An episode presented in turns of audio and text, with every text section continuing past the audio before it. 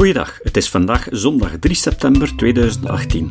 Ik ben Jozef van Giel en dit is de 357ste aflevering van deze podcast. Nick Brown en Tim van der Zee hebben een gemeenschappelijke interesse en frustratie. Slordige wetenschap. Hun methode?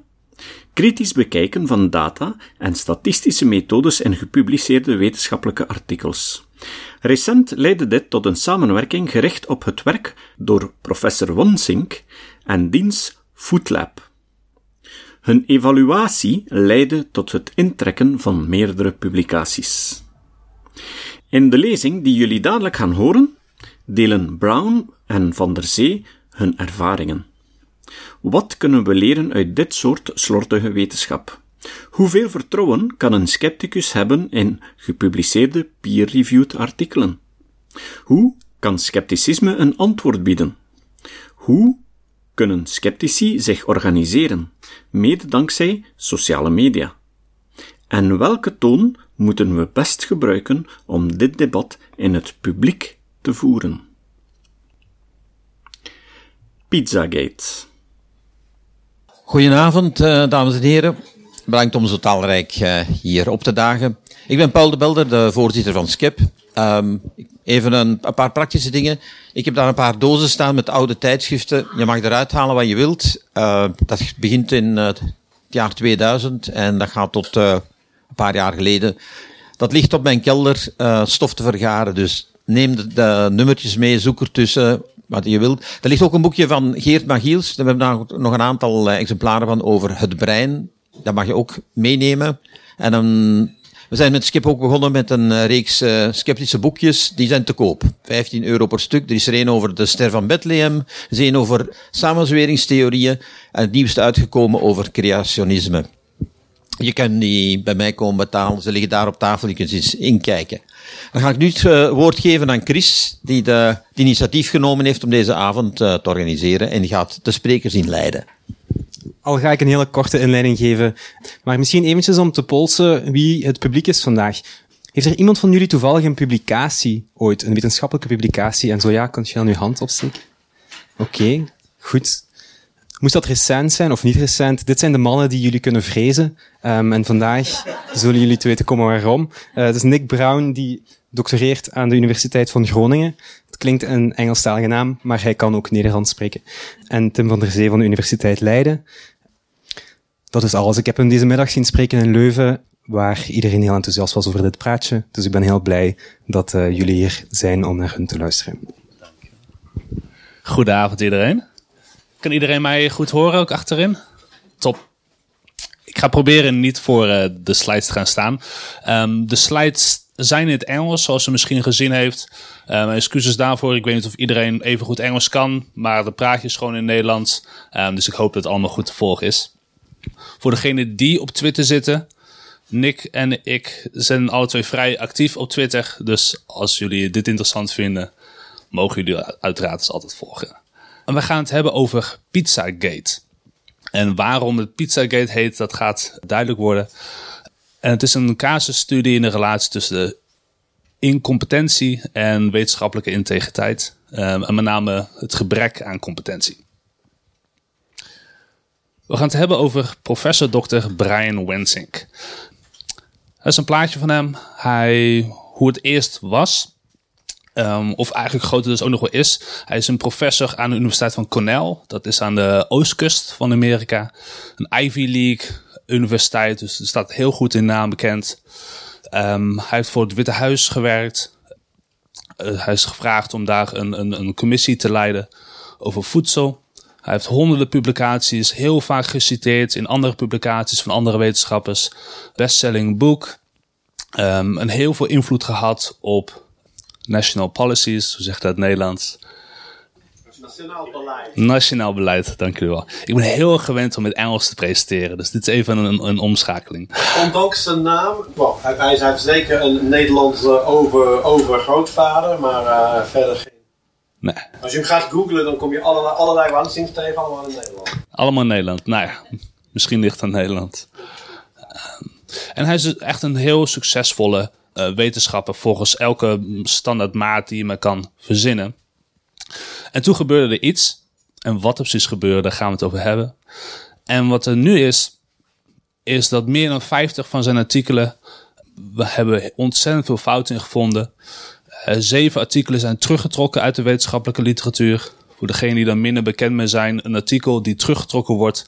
Dat is heel erg heftig. Dat is eigenlijk het ergste wat zo'n beetje wat kan overkomen als een onderzoeker. 15 artikelen zijn gecorrigeerd. Dus die zijn nog wel in de literatuur, maar zijn gecorrigeerd. Heel veel media heeft aandacht gegeven aan de fouten die hij heeft gemaakt. Uh, wetenschappelijke tijdschriften hebben waarschuwingen gepubliceerd over zijn onderzoek. Nou ja, goed. Er is blijkbaar wel iets misgegaan. En daar gaan we het over hebben. Mogen ik vragen stellen? Ja, nee, alsjeblieft. Ja, en stel ze gelijk. Ja. Um, de H-index, wat, wat is dat precies? Goeie vraag. Uh, H-index is een enkel cijfertje wat een poging is om te kijken hoe productief en succesvol een wetenschapper is. Die van, die van Tim is... Zes, ja, denk ik. Hij is negen. Dus hij is 50% beter dan ik. Dat, dat is een beetje het idee. Ja, dat is hier wel. Ja, dat is ook wel duidelijk. Uh. Als, je, als, je, als, je, als je 200 papers hebt, het aantal papers telt niet. Maar als, als je 120 papers hebt die minstens elke 120 keer geciteerd zijn, dan heb je een H-index van 120. Dus mijn H-index is 9. Ik heb 16 of 17 publicaties, maar daarvan zijn tenminste 9. 9. Dus, dus de grootste vierhoek die je kunt maken op de grafiek tussen aantal publicaties en aantal citaties. Dus ik heb... 70 is, is behoorlijk wat. Hoor. Ja, ja, dus hij heeft honderden publicaties. En volgens mij heeft hij een H-index van de 77. Dus 77 van die honderden publicaties zijn 77 keer geciteerd. Um, dus elke stap omhoog wordt steeds moeilijker. Dus van 1 naar 2 is vrij makkelijk. En van 2 naar 3 wordt dan moeilijker. En van 60 naar 61, nou, wordt steeds moeilijker. Um, dus over de 70, dat is echt heel erg fors. Dan, dan zit je wel echt aan de top um, in productiviteit. En hoe vaak je dus door andere mensen geciteerd wordt. Wat in de wetenschap wel echt een, een maatstaf is voor hoe succesvol je wordt en hoeveel invloed je ook hebt. Um, goeie vraag. En als andere mensen vragen hebben, stel ze inderdaad gewoon direct. Kijk, nog een vraag. Ik heb geen uh, academische achtergrond, dus dat citeren, is het dan in positief geciteerd worden om te zeggen van dat werkt? Ja, ja, ja, ja, ja, klopt. Ja, dat wordt eigenlijk op één hoop gegooid. Dat is een beetje gek. Ik denk dat wel 90, 95, misschien zelfs 99 procent van de citaties zijn wel positief. Dus vaak gebeurt het van, als ik voor een artikel schrijf, dan haal ik heel veel andere artikelen aan die soortgelijke onderzoeken hebben gedaan. Of die misschien tegenstrijdige resultaten hebben gevonden, of, of juist resultaten die in lijn zijn met wat ik gevonden heb. Dus meestal is het, is positief bedoeld. Goeie vraag.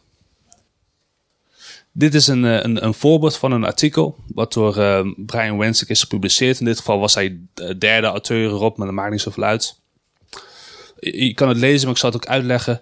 Wat voor onderzoek hij doet, uh, is dit wel een goed voorbeeld van.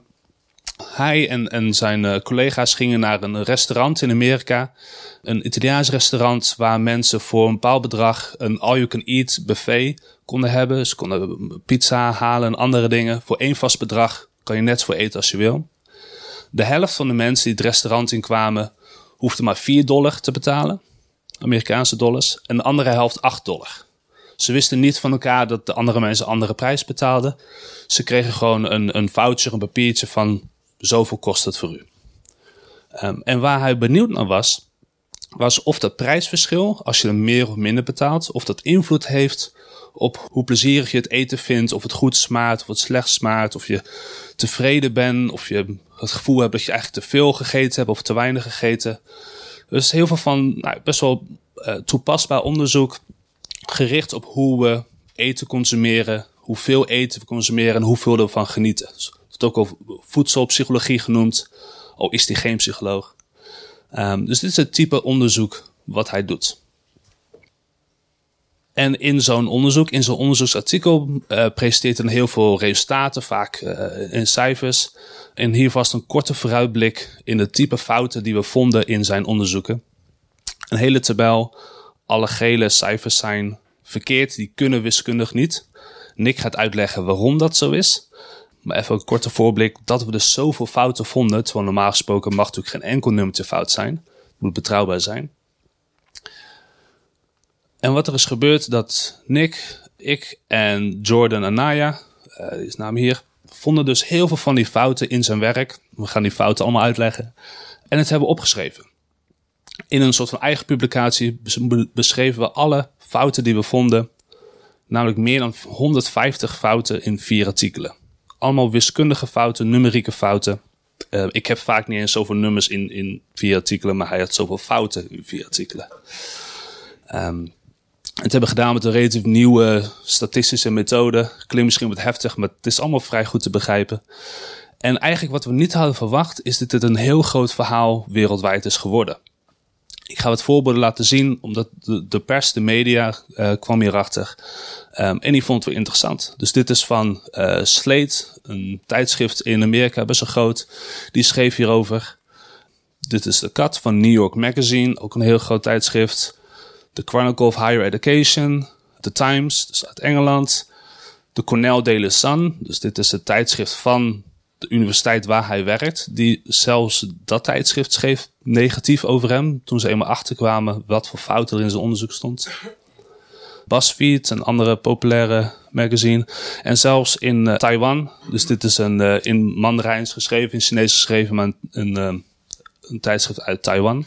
En zelfs, zelfs twee keer toe in de Volkskrant in Nederland. In de Volkskrant ook. artikel van Mickey Steyaert. Uh, als, je, als je Volkskrant Wansing intikt, die hebben een journalist die Wansing heet. Dus die moet wel Brian Wansing. Oh, maar zoek je dat op de site van de Volkskrant? Ik denk dat alle twee eh, vrij beschikbaar zijn. Ik zou het niet weten, maar het gaat zo goed kunnen. Dus dit is een wereldwijd groot eh, verhaal geworden. En nou ga ik het woord aan Nick geven, die jullie wat meer gaat vertellen over wat voor type fouten we dan vonden. Nou, we hebben veel fouten gevonden in de, de pizza-artikelen. En dan ga ik een beetje verder wat wij ook hebben gevonden toen wij een beetje dieper zijn gaan kijken in het hele oeuvre van meneer Wansink. Dus Tim zei het al, dit is een tabel van resultaten. En hier heb je, nou, zoals we dat uh, doen, uh, je, je geeft de, dat heet de descriptive statistics. Dus wij hebben dit gemeten en in dit geval hebben, hebben ze gevraagd, uh, hoe lekker was de pizza? Nee, dit, dit is, ik heb meer pizza gegeten dan ik zou moeten hebben. En dan moest je op een schalen van 1 tot 9 beantwoorden. Dus 1 is nee, ik heb helemaal niet te veel pizza gegeten. En 9 is ja, ik ben echt te veel pizza gegeten. En ze hebben aan 18 mensen gevraagd die één stuk pizza hadden gegeten. Dus ze hebben gevraagd, hoeveel pizza heb je gegeten? Nou, ik heb meer pizza gegeten dan ik zou moeten. Ja, één stuk is niet zoveel. En die mensen hadden dus een gemiddelde getal van 2,63. Het probleem is dat als je aan 18 mensen vraagt wat ze, hoe ze over iets voelen van 1 tot 9, nou dan kom je op een totaalgetal. Dat is minimum 18 en maximaal 162. Als je dat door 18 verdeelt, dan krijg je het gemiddeld. Maar er is geen uh, in, uh, hele cijfer die, als je dat door 18 verdeelt, een resultaat geeft van 2,63. Want er kunnen slechts bepaalde uh, getallen voorkomen. Stel je voor, ik vraag, ik vraag aan twee personen hier. Hoe vond je de pizza? En uh, 1 tot 9. Dan ga ik niet zeggen dat het gemiddelde uh, 1,4 was. Kan niet. Het moet 1,5 of 2,0 of 2,5 of 2,0. En ja, voor 2 kan iedereen dat uitwerken. Wat blijkt, als je twee cijfers achter de komma hebt, dan heb je uh, voor elk aantal deelnemers, in dit geval 18, zijn er 18 mogelijke goede resultaten en 82 die niet mogelijk zijn. En als het 43 zijn, nou dan zijn er 43 die mogelijk zijn en 57 die niet mogelijk zijn. Dus als je gewoon uh, gegevens ja, uit je duim zuigen of fout opschrijven of verkeerd intikken, kan ook, dan ga je dat soort fouten krijgen. En dit hebben, uh, dit, ik en een collega hebben dit geformaliseerd. Het is echt zo gek, want het is zo, zo, zo eenvoudig. Dit is kinder, kinderwiskunde. We, maar we hebben een artikel hierover geschreven en naar een psychologisch uh, journal opgestuurd. En wij vreesden dat het terugkomt met, ja, goed, dat, dat weet iedereen. Ze hebben ons gevraagd om de formulieren uh, eenvoudiger te maken. Dat noemen wij GRIM. Dat is Granularity Related Inconsistency of Means. Dus gemiddelde die niet coherent, coherent, consequent, inconsequent zijn. eh, omdat er een probleem is van ja, granularity, hoe noem je dat? Eh, want de stappen bestaan uit eh, discrete eh, hoeveelheden. Dus niet alle gemiddeldes zijn mogelijk. Dus wij nemen, wij, zeven mensen hier, de eerste zeven mensen, en we zeggen hoeveel kinderen heb je? En we komen op een, dus een totaal aantal kinderen onder die zeven mensen. Is dat totaal 10, dan is het gemiddelde 1,43. We hebben regels om af te ronden. Het is 1,4287. Dus die 428, dat wordt 43. Is het aantal 17, dan is dat 2,43. Dus die 43, die komt voor en ja, dat gaat verder en verder en verder. En als het totaal 11 is, dan is dat 1,57. Dus als ik mijn eh, paper schrijf en ik zeg van nou, het gemiddelde aantal kinderen was eh, onder die 7 mensen was 1,52, dan is er iets fout. Nou, dat, dat betekent, hoe kun je dit gebruiken? Dat kun je gebruiken als je nou, niet al te veel mensen hebt. Want als je duizend mensen hebt, ja, met twee cijfers achter de nul kun je niet veel doen. En als de gegevens waarmee je werkt gehele getallen zijn. Maar wat blijkt, in de psychologie zijn twee, heel vaak alle twee waar. Wij, wij werken met veel te weinig mensen, met veel te weinig deelnemers. Dus kleine uh, samples. En we werken vaak met uh, metingen die, die, die integers zijn, die gehele, getallen zijn. Wat ik net zei, dus als je 43 mensen hebt, heb je 43% van die cijfers achter zijn mogelijk. En die andere 57 zijn niet mogelijk, noemen wij consequent en niet consequent. Ik heb een demo gemaakt en als je op, dat adres gaat, en die kan ik later geven, maar als iemand dat wil intikken op zijn telefoon. Ik heb een versie gemaakt die op je telefoon werkt. En dan kun je in twee seconden een, een uh, cijfer intikken, twee cijfers intikken. Dus het aantal deelnemers en het gemiddelde. En die gaat je zeggen, dat is goed of dat is niet goed. Een oefening voor de zaal. Dus dit is een hele bekende, dit is echt een grote. Wie hier weet iets van de psychologie af, van de wetenschappelijke psychologie? Oh, wacht even doen. Goed, dit is een echte hele bekende dus, uh, artikel. Echt een klassieker, duizenden maal geciteerd. En uh, hier heb je twintig mensen in elke categorie. Dus het, de, de, de, het rekenwerk is heel eenvoudig. En hier zijn de gemiddelde van die mensen op een vraag van 1 tot 5. Wie kan de fouten zien? Er zijn er drie. Er zijn er drie. 018, 08, 18 en 62. Dup, dup en dup. Die kunnen niet.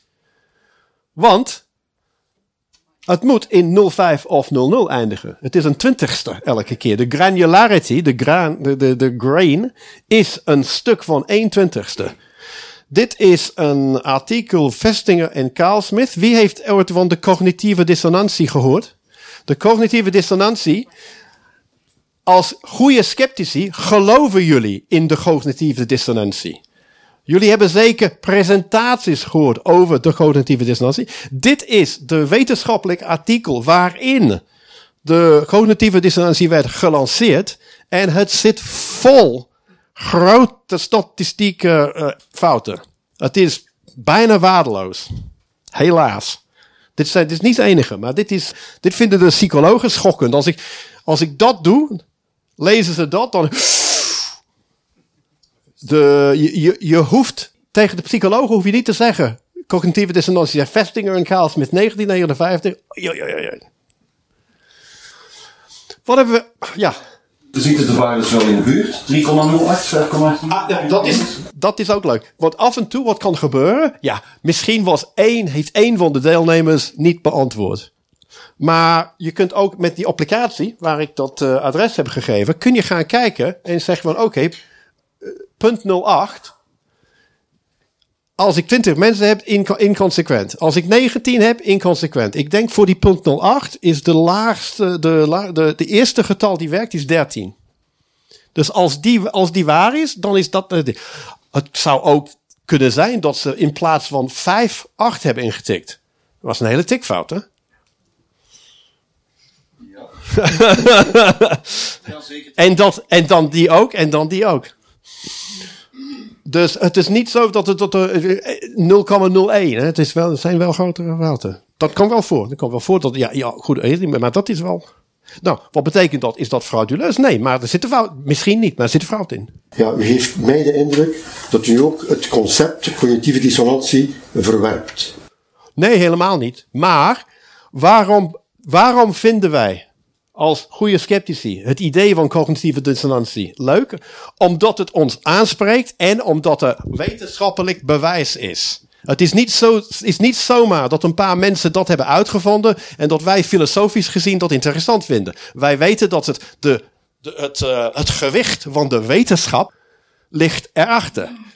Oh, en als de gewicht van de wetenschap niet meer erachter ligt, wat blijft er over? En dat zie je precies bij de pseudowetenschappers. De pseudowetenschappers die verkopen iets van, ja, er is een studie. Ik heb een, ik heb een ongelooflijk idee. I- niemand die, er is een wetenschappelijke ondersteuning. Oh, nou, niet slecht. Dan zeggen wij, oh ja, maar die wetenschappelijke ondersteuning, ja, dat was in, in, in zo'n nepjournaal. Dus dat valt weg. En wat blijft? Nou, het idee blijft hangen. Wij als, ook scepticus, wij verwijten dit soort gedrag aan onze tegenstanders. Wat doen wij als wij geconfronteerd zijn met slechte wetenschap? Want de hele avond vanavond is echt oerslechte wetenschap. Dus, maar Maar het concept is in vele opzichten wereldwijd bevestigd. Hè? bevestiging is een woord die we proberen, niet proberen niet te gebruiken. Het, het is, eh, op dit moment praat er niemand over, want in de psychologie telt eigenlijk alleen wat er in de mode zit. En die, die mensen zijn al lang dood. Ja. Nee, oké, maar de, de iedereen heeft dat een beetje ervaren. Wij, in zoverre dat de psychologie iets met de filosofie te maken heeft en, en met onze normale ervaringen, ja, het, zoiets zou best wel bestaan. Maar die, die experimenten die ze hebben uitgevoerd om dat te bewijzen, waardeloos. Waardeloos. Experiment wel waarschijnlijk. Hè? Dat, dat- die wel. Maar goed, dat is, dat is het oer-experiment en het meest geciteerd. En heel weinig mensen weten dat die, dat die resultaten niet deugen. Dus ja, nou, we moeten gaan. Het betekent niet dat het fout is.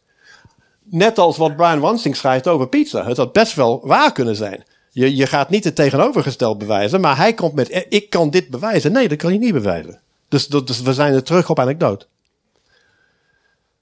Andere dingen die we hebben gevonden, dus buiten de, die, die pizza papers eh, bij meneer Wansing. Dit zijn twee hoofdstukken die hij in, eh, in, in eh, boeken, eh, heel vaak academische boeken, dat is een, ieder ho- hoofdstuk is door, door een andere auteur geschreven. Dus dit komt uit een boek van 2011 van, edit, geëditeerd door zijn collega van Cornell. Dit komt uit een tekstboek, dus echt voor, voor studenten. En de gele stukken zijn identiek. Dus als je beloofd hebt om, om aan twee boeken een hoofdstuk te, te leveren, nou, dat gaat het veel sneller als je dezelfde twee keer doet. Is dat echt zo slecht? Ja, het is een beetje, het is niet echt eerlijk. En bovendien denken alle twee uitgevers dat zij de copyright hebben. Ook een beetje vervelend. Een beetje erger nog, hier, hier zijn twee tabellen uit artikelen die Wansink in 2001, 2003 heeft gepubliceerd, voordat hij in Cornell kwam. Dus met mooie resultaten als deze heeft hij zijn eh, grote job aan een eh, Ivy League eh, university verdiend. Dus het gaat om evaluatie van klantenkaarten. Ja.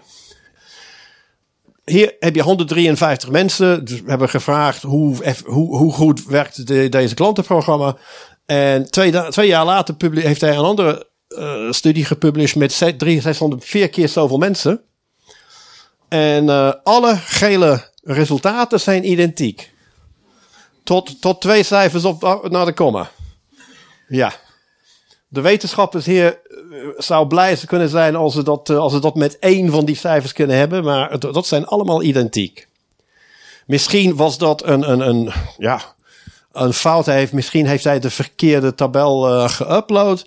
Dus op een moment heeft Wansink gereageerd op onze kritieken. En zei van ja, een master's thesis was intentionally expanded upon through a second study, which offered more data with the same language, more participants and the same results. Dus hij beweert hoog en dat het twee verschillende samples zijn die. Ja, nou, goed. laatste voorbeeld. Dat is eh, het verhaal van eh, Elmo. Ah, nou, dit is een eh, programma die probeert, of een onderzoeksprogramma die pro- probeert te zien hoe kun je kinderen overtuigen om een appel te nemen in plaats van een koekje. Goed, ik zou persoonlijk zeggen van nou geen koekjes, maar dat is, ja goed, dit is Amerika en je moet mensen de vrijheid en de keus geven. Dus dit, dit is het eerste rapport van 2008, wacht even, 2008 aan het geld geven, de US Department of Agriculture, en zegt van wij doen een project in New York met eh, in daycare centers, in kinder, kinderopvang met kinderen van drie tot vijf jaar. En eh, ze hebben een of een appel waar Elmo op zit. Elmo kent u wel van Sesame Street. Goed, dat was 2008. Het heeft een tijdje geduurd voordat dat opgeschreven werd als artikel. Maar het artikel kwam in de JAMA Pediatrics. Dat is echt een, een, een, een, een topjournaal uh, over kindergezondheid. Maar wat blijkt, deze studie zegt, het waren 208 van 8 tot 11 jaar. Goed, misschien is dat een andere studie, dat weet ik niet. Kunnen een appel of een koekje nemen. Dan hij, als dat, uh, als artikel eenmaal geciteerd is, dan gaat hij zelf citeren. Zelfcitaties uh, tellen ook mee voor je H-index. Best wel leuk, maar goed, het kan ook legitiem zijn. Dus in 2013 schrijft hij van putting an Elmo stickle on apples led 70% more daycare kids to take and eat an apple. In 2015 was dat maar 46%, want zijn geheugen is niet zo geweldig goed. En hij gaat niet kijken wat de, echte cijfer was en wat. En elke keer heb je dan die ja, toen heette dat Archives of Pediatric and Adolescent Medicine, maar dat zijn de journals van de JAMA.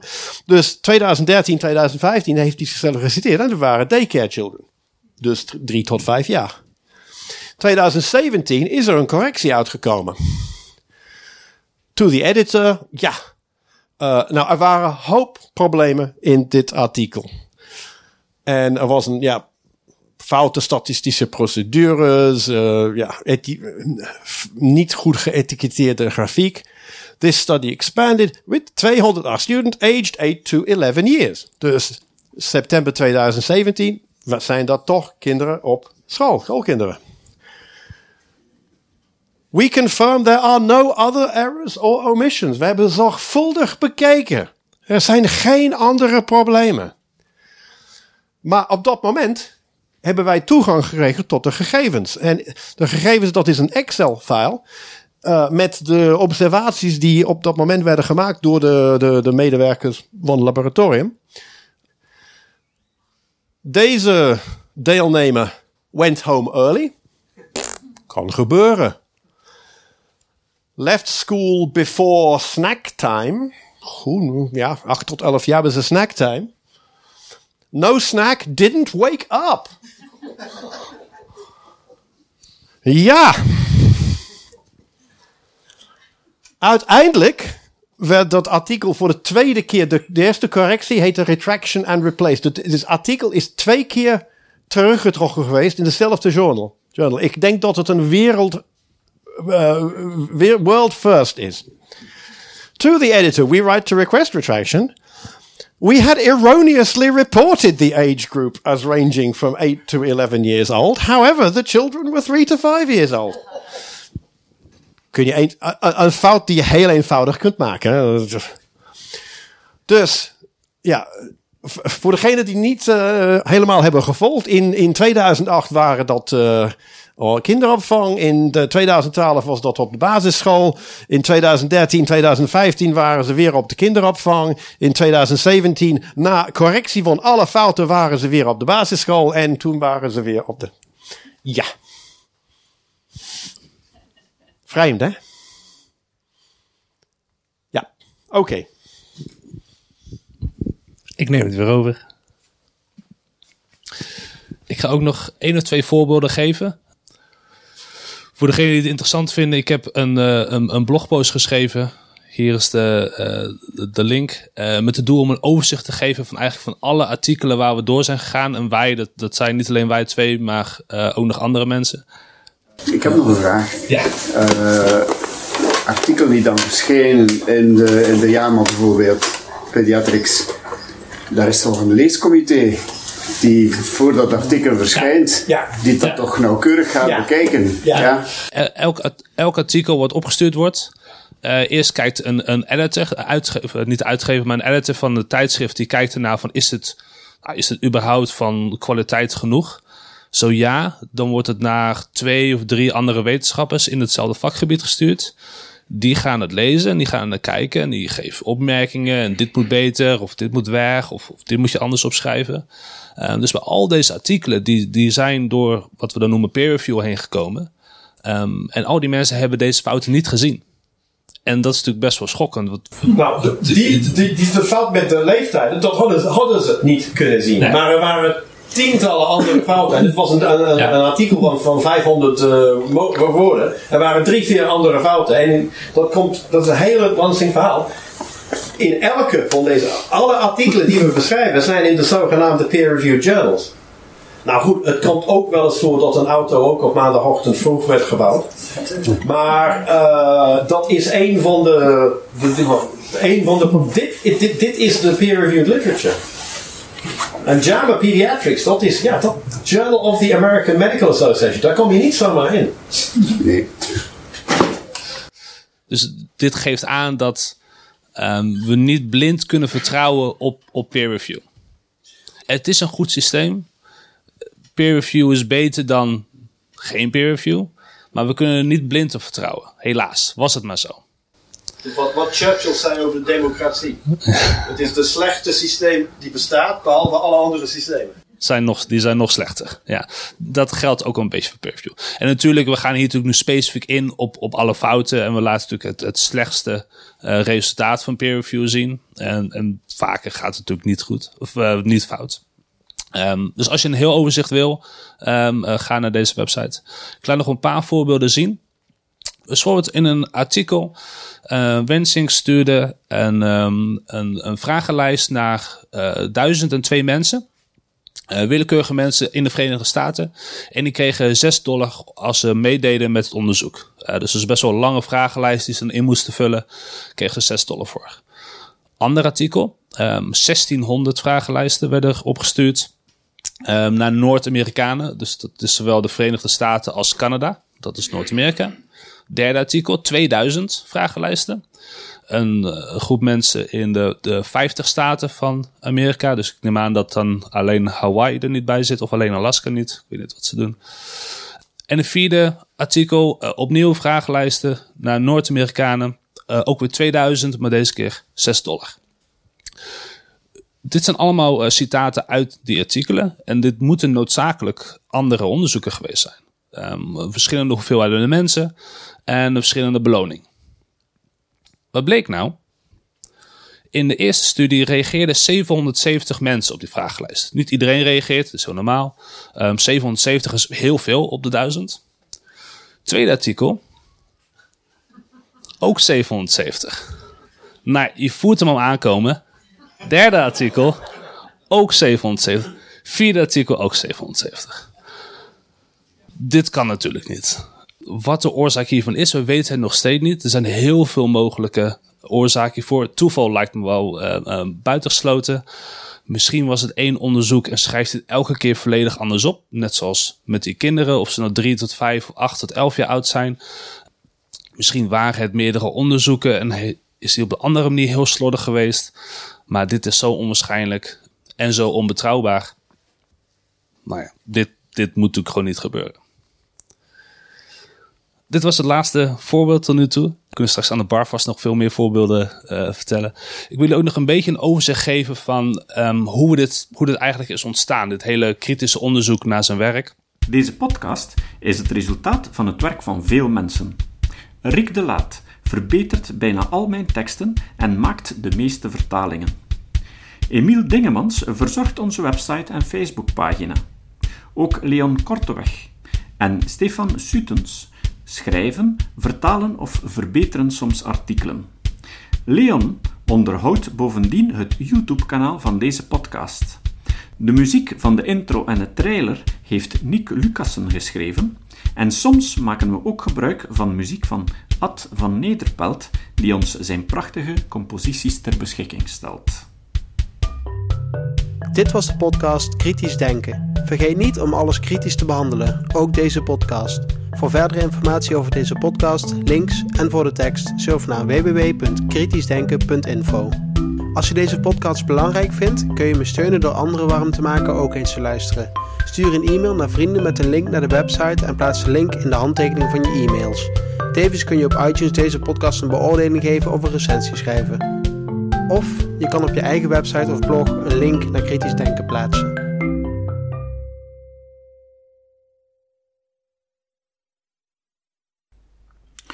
Volgende keer horen jullie hoe dit onderzoek is ontstaan.